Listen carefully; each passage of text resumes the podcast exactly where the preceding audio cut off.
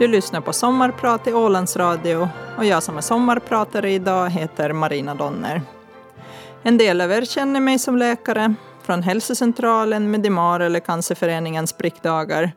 En del av er känner mig via pingisen eller triathlon, från öspelen eller Ironman. Några har träffat mig som mamma till Viktor eller fru till Andreas. Och många känner mig förstås inte alls.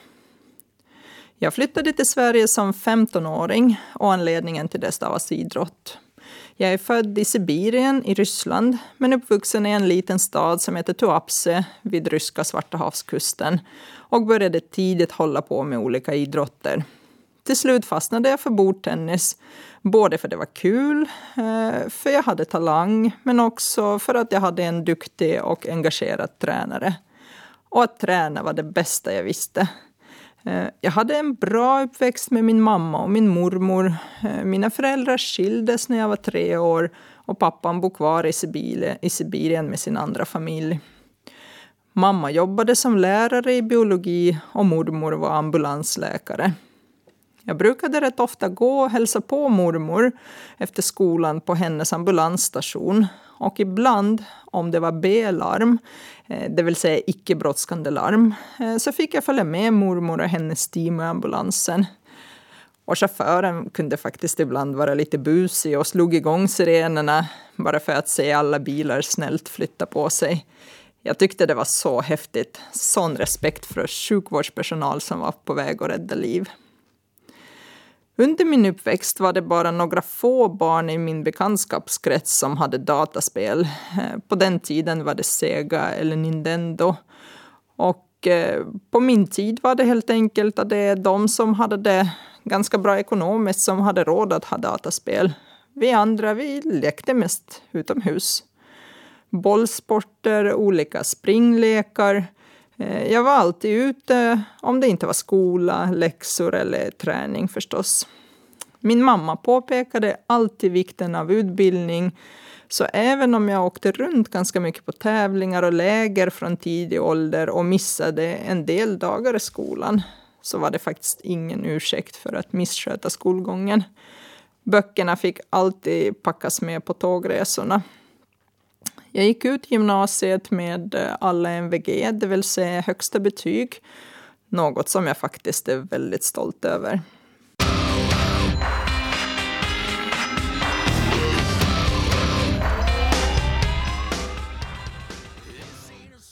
Bon Jovi, It's My Life. Vi tävlade en hel del både inrikes och utrikes där vi under flera år i rad deltog i en stor pingisturnering i Kiruna. Pingis har varit en väldigt stor och populär idrott i Sverige i flera decennier i och med framgångar först med Stellan Bengtsson, Tickan Karlsson och sedan förstås Geo Waldner och Jörgen Persson. Och anledningen till att vi åkte just till Kiruna var då, förutom förstås att vi lyckades skaffa sponsorer till dessa resor, eh, att min tränares kusin var ishockeyspelare och eh, spelade elitserien för Luleå. Så han hjälpte oss med de initiala kontakterna till pingisklubben för inbjudan till tävlingen och så vidare. Det gick väldigt bra för oss som tävlade i Kiruna. Vi brukade vinna våra klasser. Så efter ett antal år blev min tränare erbjuden jobb i pingisklubben och flyttade dit med sin familj. Och några år senare, när de startade ett dammlag, blev faktiskt jag tillfrågad. Jag var bara 15 år. Det var ett äventyr.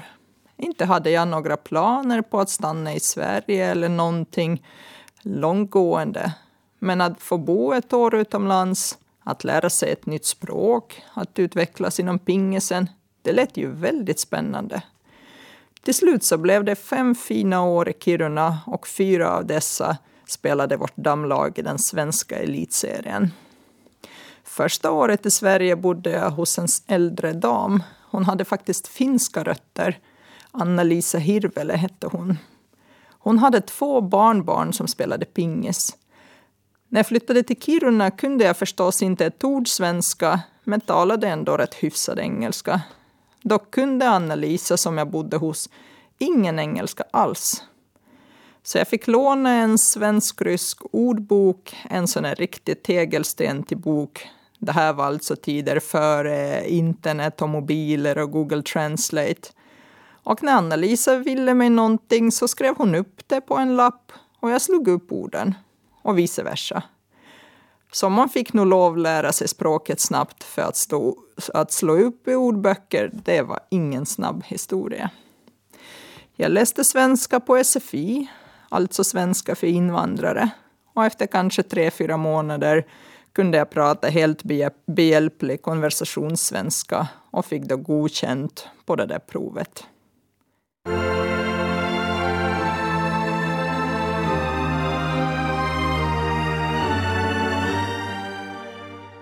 E-Type, This is the way.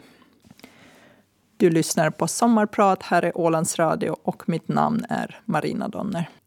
Det var annorlunda att flytta från ryska Svarta havskusten, som har samma varma klimat som Turkiet, till svenska Kiruna, som låg ovanför polcirkeln.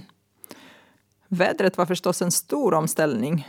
Jag, som var van vid värme, fick nu finna mig att ha snö från oktober till april. Värst av allt var dock mörkret. Mellan ungefär november till mars så kom inte solen upp alls ovanför horisonten. Det blev förstås lite ljus dagtid på grund av snön, men då var man ju oftast upptagen, om det nu var med eh, plugget eller med träningen. Och det var ju ändå bara några få timmar, annars var det mörkt. Nu när man tittar bakåt så förstår jag faktiskt inte hur jag klarade det. Men jag reflekterade inte så mycket över vädret just då. Man klädde sig varmt och så var det bra med den saken. Och oavsett så minns jag tiden i Kiruna med värme. Jag har fortfarande både mina, min ryska tränare samt flera vänner som jag håller kontakt med. Och pingiskarriären fick sig också en ordentlig skjuts framåt tack vare spel i elitserien. När jag var 20 år blev det dags att styra flyttlasset vidare till Stockholm och spel för spårvägen i den svenska elitserien. Det var kul att flytta till Stockholm. Det är en fin stad och allt är ju spännande när man är ung. Samtidigt så var det ju helt andra omkostnader än i Kiruna, till exempel det där med hyra. Jag fick ju förstås betalt av min pingesklubb, men det var inga stora pengar överhuvudtaget. Så jag behövde ha ett jobb vid sidan av. Det var tufft att leta jobb när man inte hade några som helst kontakter. Att få nej gång på gång. Men så är det alltid med jobb. Det svåraste är ju att få det första. Till slut lyckades jag landa ett jobb som tidningsutdelare av gratistidningen Metro. Vi stod vid olika tunnelbaneuppgångar mellan halv sex och halv tio på morgonen. Och det betydde att man fick gå upp just efter klockan 04 för att hinna på jobb.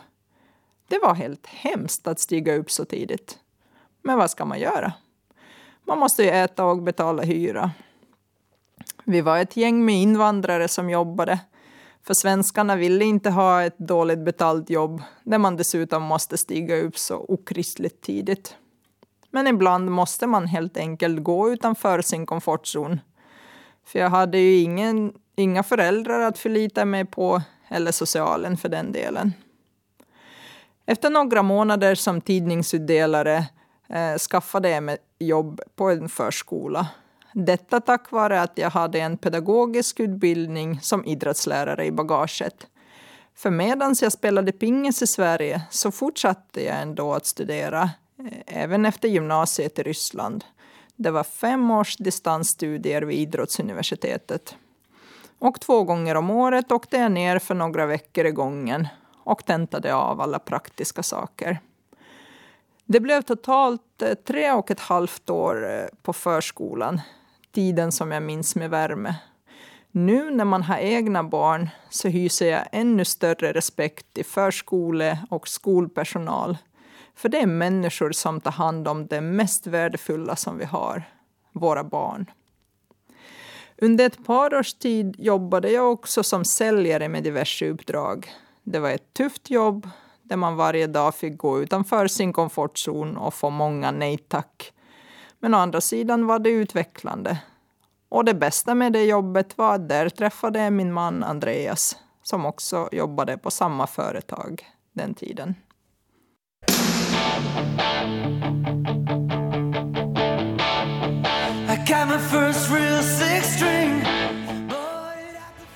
Brian Adams, Summer of 69. Pingismässigt gick karriären framåt under tiden i Stockholm. Det blev SM-medaljer i lag och singel samt SM-guld i mixdubbel. Och just det där, att få stå överst på prispallen. Jag får fortfarande rysningar när jag tänker på det.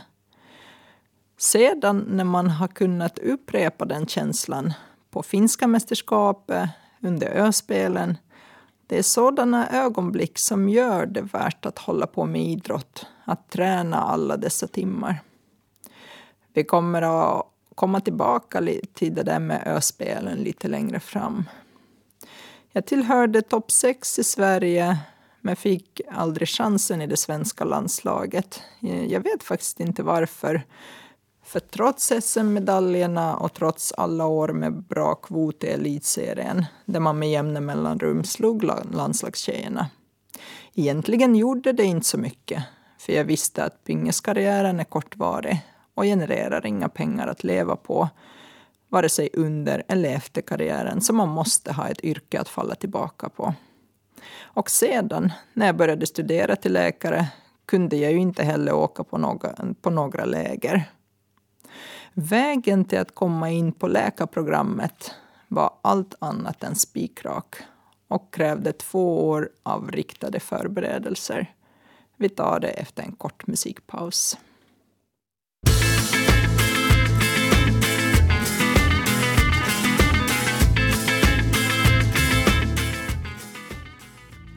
Juanes Adios Lepido. Redan under tiden jag studerade till idrottslärare blev jag väldigt intresserad av människokroppen. Så jag visste nog att jag inte skulle jobba med idrotten under resten av mitt liv, men ville ändå slutföra utbildningen till idrottslärare. Och när det gäller läkarprogrammet så är det faktiskt en av de svåraste utbildningarna att komma in på i både Sverige och Finland. Man kunde komma in på några olika sätt på den tiden då jag sökte. Eh, det var via betygen, via högskoleprovet, eh, via kombinerat betyg plus högskoleprov. Alternativt eh, via högskoleprov samt ett IQ-test och intervjuer. Men först så behövde det bli ett år på komvux för att komplettera med naturbasåret. Det som jag inte hade Eh, från min grundutbildning. Det vill säga fysik, kemi, biologi och eh, matte D. Det var en del press redan då, för jag visste att jag behövde ha alla MVG. Speciellt fysik har jag alltid haft svårt för. För det finns de som bara förstår sig på fysik, eller kemi för den delen. Eh, jag var absolut inte en av dem. Men jag räknade ut ganska tidigt att om jag bara gick på alla lektioner och alla extra tillfällen eh, samt gjorde precis alla övningsuppgifter som man kunde komma över så borde man rimligen ha ett bra chans att träffa på liknande uppgifter på provet. Och precis så blev det. Högskoleprovet var en annan grej som jag fick kämpa väldigt hårt med.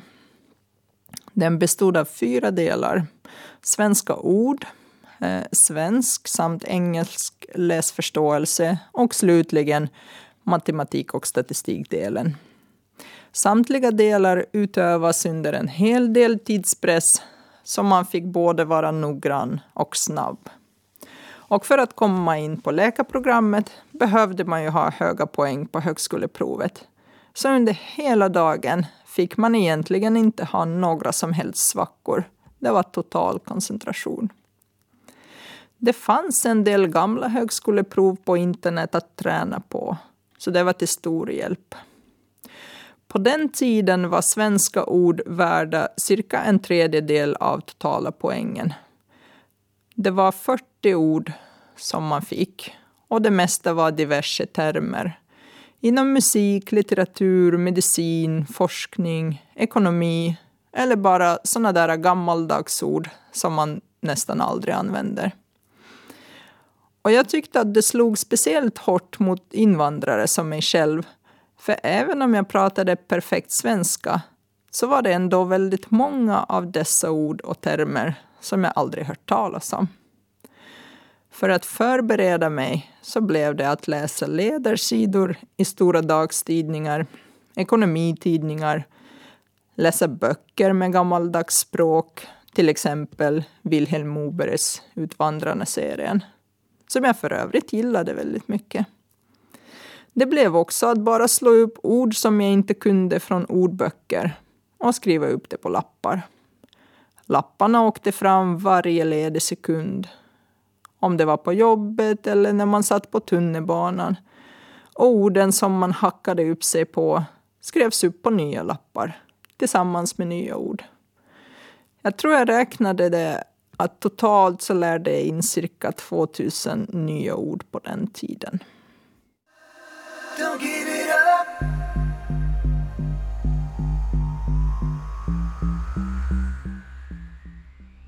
Brian Adams och Chicane Don't Give Up. Att ha högst betyg från gymnasiet räckte inte till, för det var så många som hade det. Så det blev lottning. Och att sitta och vänta år efter år på att bli inlottad, det var inget för mig. Så då gällde det att få höga poäng på högskoleprovet och kunna komma in på det sättet. Jag skrev det totalt tre gånger och provtillfällen var en gång per halvår. Speciellt inför den tredje gången gick jag all in. Min man, eh, som då var min pojkvän, förhörde mig på orden i princip varje kväll. Jag tränade också på de gamla proven varje vecka och gick även en förberedande veckoslutskurs som ett bolag anordnade. Och dagarna inför provet var verkligen som att förbereda sig inför en stor tävling. Det gällde att sova ordentligt, äta bra, inget socker, bara positiva tankar och så vidare. När jag sedan kom hem efter provet och fick höra resultatet, att man var några få poäng ifrån målet, då bröt jag ihop. Som min man berättade så kände han sig allvarligt orolig att något skulle gå sönder inom mig. Jag grät så hårt att väggarna skakade. Men ett par timmar senare fick det vara nog med sorgen. Jag började göra upp planer för hur man ska bli ännu bättre. För att ge upp drömmen. Det fanns inte på kartan. Det gällde ju då att skaffa sig ännu fler prov att öva på. Men de som jag redan hade tränat flera gånger om, det var ju de som fanns tillgängliga på nätet. Och fler kunde jag inte hitta. Ända tills jag läste någonstans att det fanns gamla papperskopior på biblioteket i Borås. Men de kunde inte skickas. Så två dagar senare satte jag mig på tåget till Borås. Väl inne på biblioteket ringde plötsligt min telefon. Och även om jag skämdes eh, så svarade jag faktiskt, för det var ett okänt nummer. Jag trodde dock att det var någon telefonförsäljare. Det visade sig vara antagningsansvarig från Göteborgs universitet som undrade om jag möjligen ville ha platsen på läkarprogrammet. Jag höll på att svimma av. Mumlade ju förstås att det ville jag och var helt chockad. Sen visade det sig att jag stod som reserv i kategorin eh, högst betyg plus då resultat från högskoleprov till Göteborgs universitet. Men den sekunden då jag läste det efter provet och såg att jag inte kom in direkt utan jag stod som något vad det var femte eller sjätte reserv. För mig var det som att chanserna var lika med noll. För i min värld tackar man inte nej till en plats på läkarprogrammet. Så jag glömde det bort helt och hållet. Men där stod jag, på Borås bibliotek, antagen till läkarprogrammet som skulle starta nästa dag med bara en liten ryggsäck och hela mitt liv i Stockholm.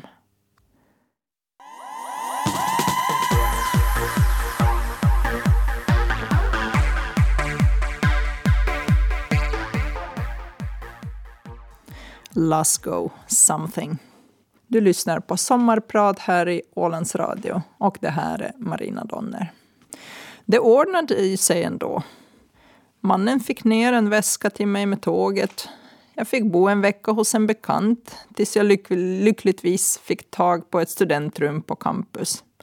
Så sakta men säkert blev det rutin.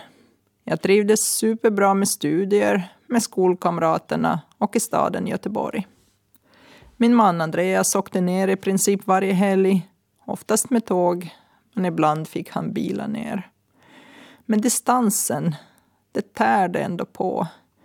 Varje söndag eftermiddag var det som att riva ut hjärtat när Andreas skulle åka. Gång på gång på gång.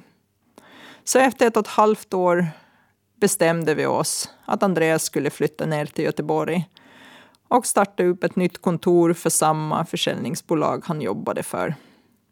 Han sa upp sig från jobbet i Stockholm, sa upp andrahandskontraktet som vi hade på en väldigt trevlig lägenhet, flyttstädade, packade bilen och körde ner. Och två dagar efter flytten så fick jag besked att jag kom in på läkarprogrammet på Karolinska institutet i Stockholm. Förbaskat också. För jag fortsatte ändå söka till Stockholm under tiden som jag pluggade i Göteborg. Mest på rutin egentligen. För det var i Stockholm vi ville bo i, i och med att mannen hade jobb och vi hade lägenhet. Så nu, när man rev upp rötterna, så kom man in på utbildningen. Attans också. Så mannen fick ringa till chefen och säga Ja du, det där med att säga upp mig, jag skojade bara. Chefen blev förstås väldigt, väldigt glad. Som tur var. Hmm. Så det var skönt. Och dessutom så lyckades vi få tillbaka samma lägenhet. Jag fick tyvärr börja om från början på läkarutbildningen i Stockholm eftersom kurserna gick inte riktigt i samma ordning på de olika universiteten i Sverige. Men jag tyckte att det var ett litet pris att betala. Och dessutom kunde man ta det lite lugnare i början under det första året eftersom en hel del upprepade sig. Jag kommer ihåg eh, en ganska rolig grej. Eh, vi hade ju några killar och tjejer för den delen som studerade ganska hårt. Eh, och en av dem frågade mig sen efter några veckor. Marina alltså. Hur, hur mycket läser du egentligen?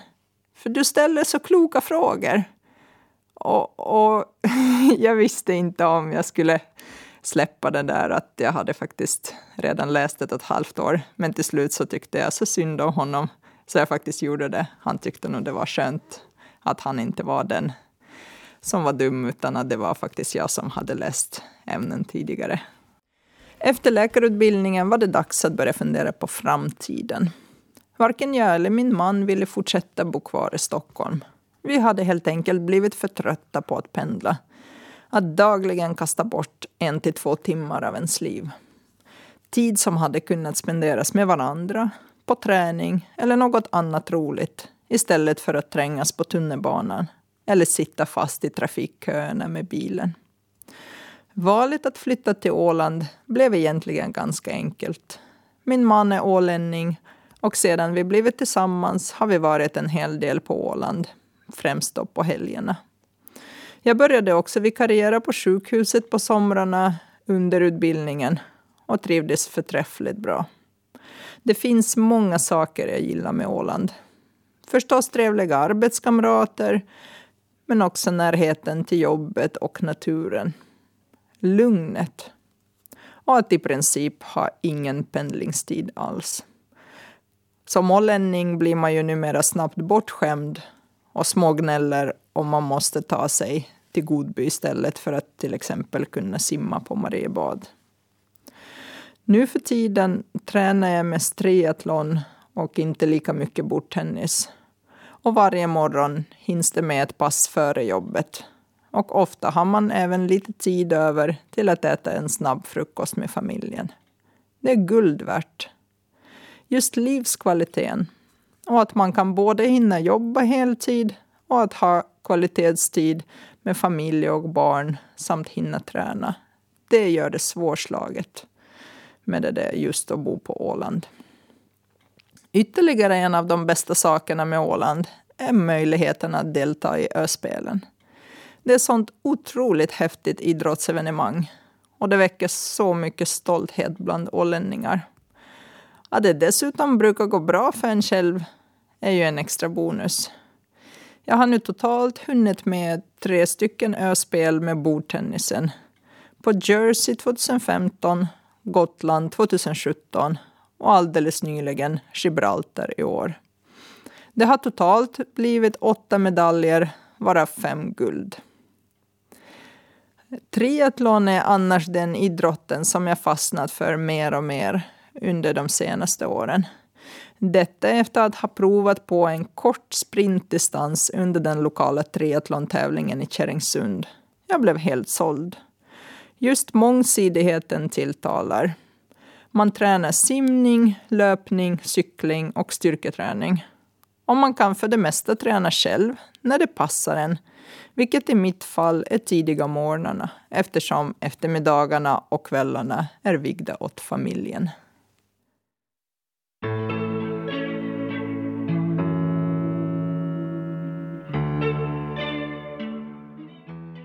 Pink just like a pill. Många undrar hur man får tid till att ha familj med ett litet barn, ett heltidsjobb samt träning. Och hemligheten stavas prioritering, planering och viljan.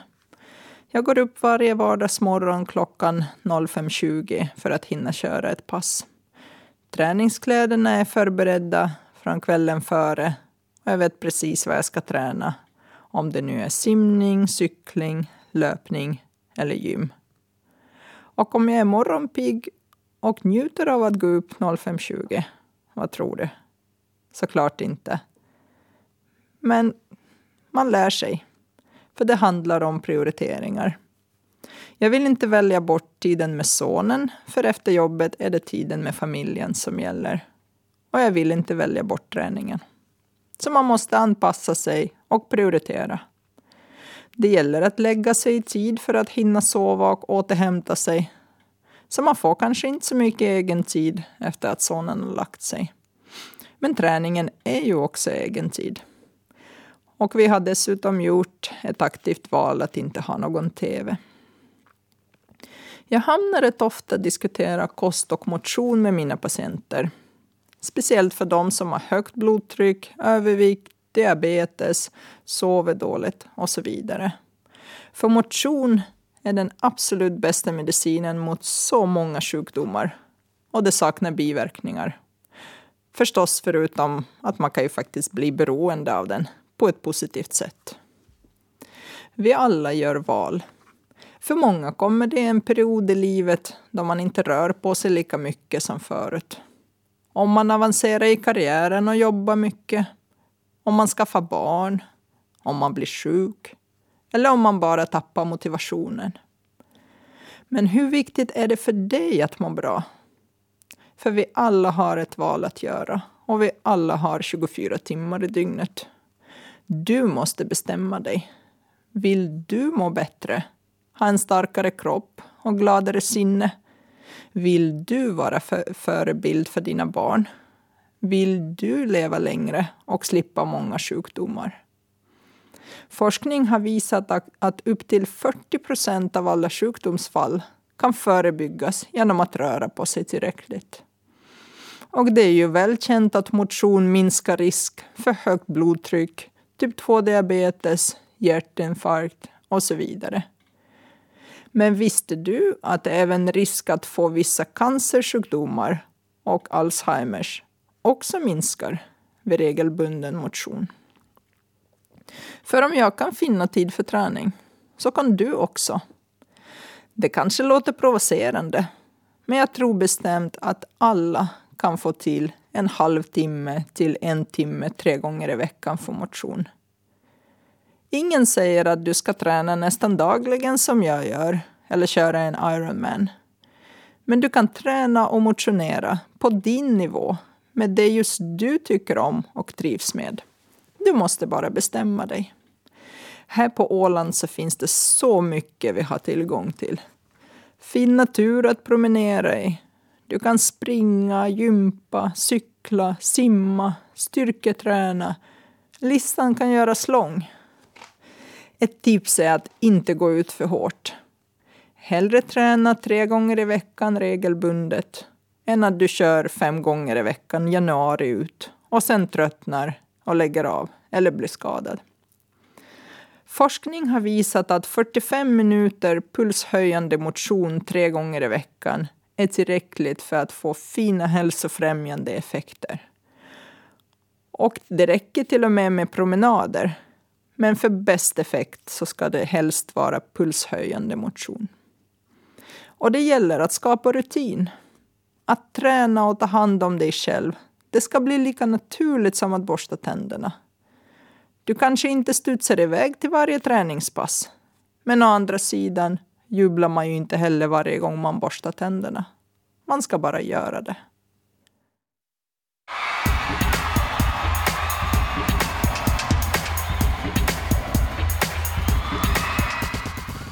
Gustavo Lima, Ballada. För inte så länge sedan eh, läste jag en mycket intressant bok som heter Järnstark av psykiatrikern Anders Hansen.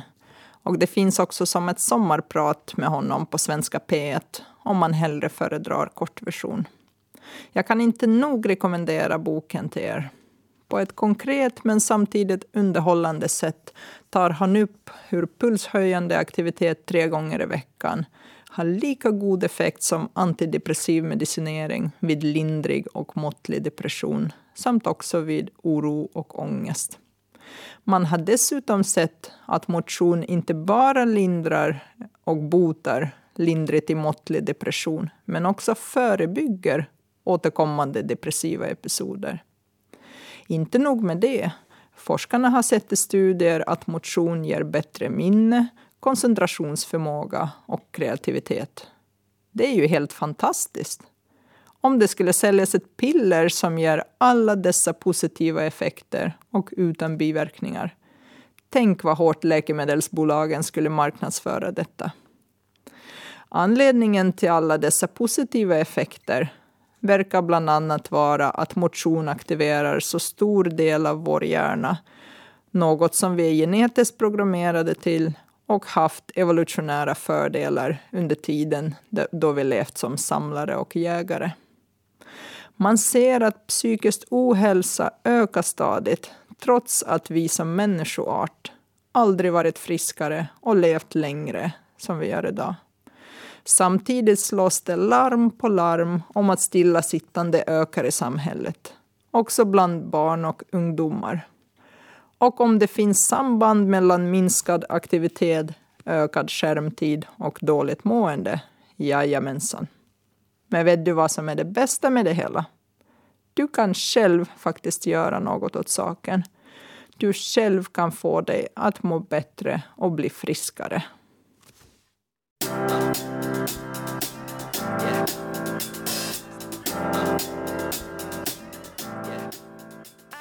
Justin Timberlake, Can't Stop the Feeling.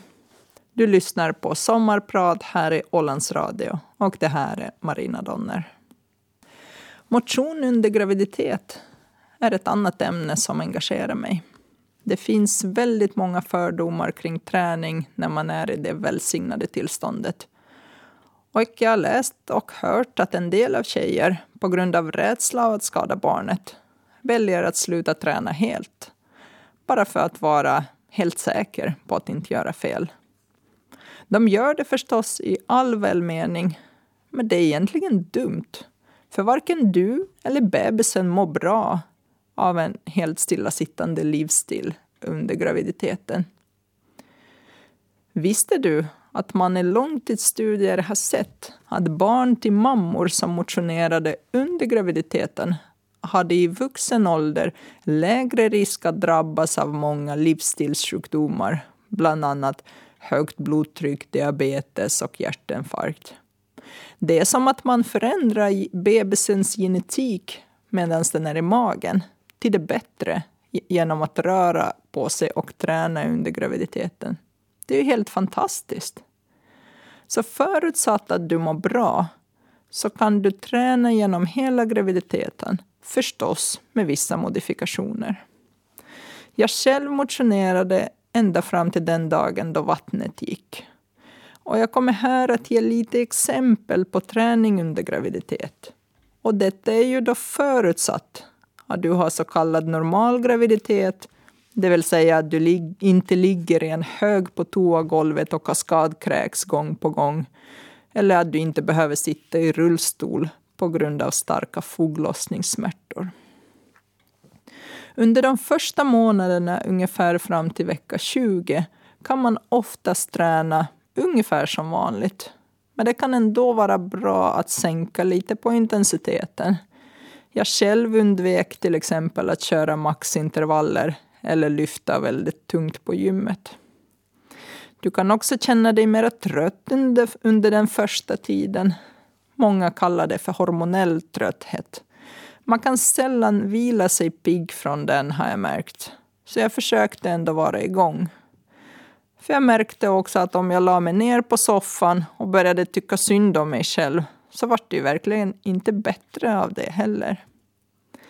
En annan orsak till den ökade tröttheten kan vara att hemoglobinet sänks i och med att man får större plasmavolym i kroppen i och med fostervatten, det vill säga vi späder ut hemoglobinet. Och därför följs blodvärdet via mödravården och vid behov kan man till exempel behöva äta kosttillskott i tillägg till folsyra som man redan rekommenderar åt alla gravida. När magmusklerna börjar dela på sig för att ge plats åt den växande magen och fostret är det dags att sluta med vissa gymövningar, till exempel raka situps och också då vara försiktig med tunga lyft på gymmet. Eh, löpning är också sådant som kan behöva strykas bort eh, efter vecka 20. Så var det för mig, eh, men det finns andra som har kunnat springa ända tills ja, närmare själva förlossningen. Man får helt enkelt känna efter och se hur det funkar för just dig. Men om du börjar få tryck i bäckenbotten eller ont någonstans så ska du givetvis sluta. I dagsläget finns det mycket kunskap kring graviditetsträning, både i böcker, på nätet, hos specialutbildade fysioterapeuter.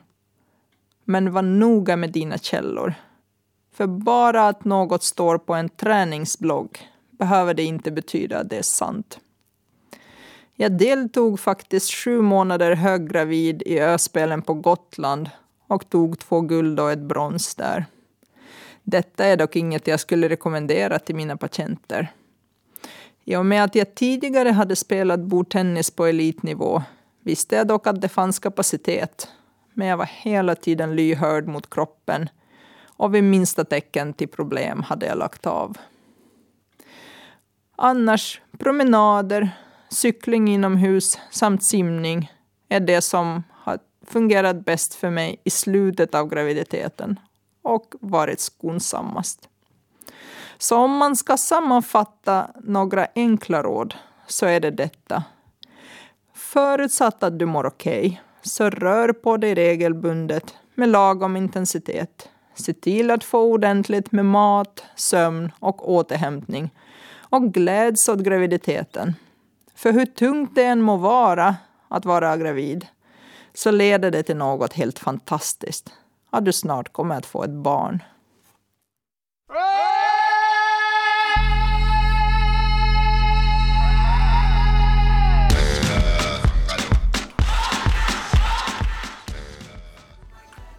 Shakira Waka Waka. Att jobba internationellt var något jag funderade på under utbildningen. För jag tyckte det lät spännande med till exempel organisationer som Läkare utan gränser. Men nu när man har familj och barn så är jag faktiskt inte beredd att göra den uppoffringen och åka iväg ett halvår någonstans. Jag har dock kunnat göra en del internationella saker i alla fall. Som till exempel traumautbildning och en kortare tidspraktik på traumaakuten i Kapstaden i Sydafrika. Som att arbeta på hudcancerkliniken i Katoomba, Australien det som har lagt grunden för min kunskap inom hudcancer. Och i slutet av läkarutbildningen fick vi möjligheten att söka kursen Global hälsa som hade startats av den numera avlidne Hans Rosling. Man blev lottad till olika länder och jag fick Uganda, vilket också råkade vara mitt första val. Så först under tre veckor på plats på Karolinska institutet hade vi föreläsningar om global hälsa. Men också om landet som vi skulle åka till, om historia, demografi, hälsoläget och så vidare. Otroligt intressant. Sedan skulle vi spendera två veckor på plats i Uganda. En vecka i Kampala, huvudstaden, och sedan en vecka ute i bussen. I Kampala besökte vi ett cancersjukhus och ett vanligt sjukhus. Läkarna var jätteduktiga och pålästa och på ronderna så blev underläkarna grillade av överläkarna.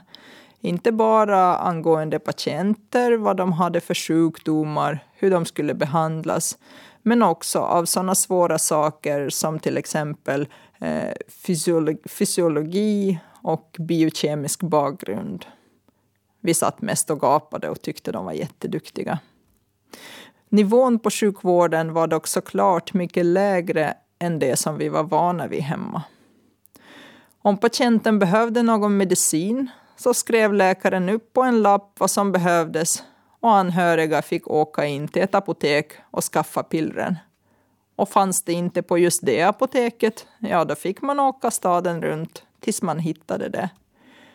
Och jag vill faktiskt inte ens tänka på vad som hände när, när folk inte hade råd. Det fanns inga undersköterskor eller vårdbiträden, så det var patienternas anhöriga som tog plats om den dagliga omvårdnaden. Anhöriga sov under patientsängar eller på gräsmattan utanför. Och dagtid så tog de hand om de anhöriga. De lade om såren, de tvättade dem, de matade dem. Vi fick också besöka en så kallad Millennium Village eh, som var en av ett antal utvalda väldigt fattiga byar runt om i världen där FN och diverse andra organisationer kunnat gå in och strukturerat göra interventioner inom sjukvård och hälsa, ekonomi, tillgång till rent vatten, vägar och så vidare och på så sätt få upp de byarna från total fattigdom. Sedan åkte vi till olika hälsostationer eh, ute på landet där var och en av oss blev tilldelad en lokal hälsoarbetare. Och jag fick följa med Agnes, en 30-årig sjuksköterska, hem till hennes familj. Hon berättade stolt om att numera behövde man bara gå 100 meter efter rent vatten, nu när de hade fått kranen till byn. Ofta under resan i Uganda fick man klump i halsen.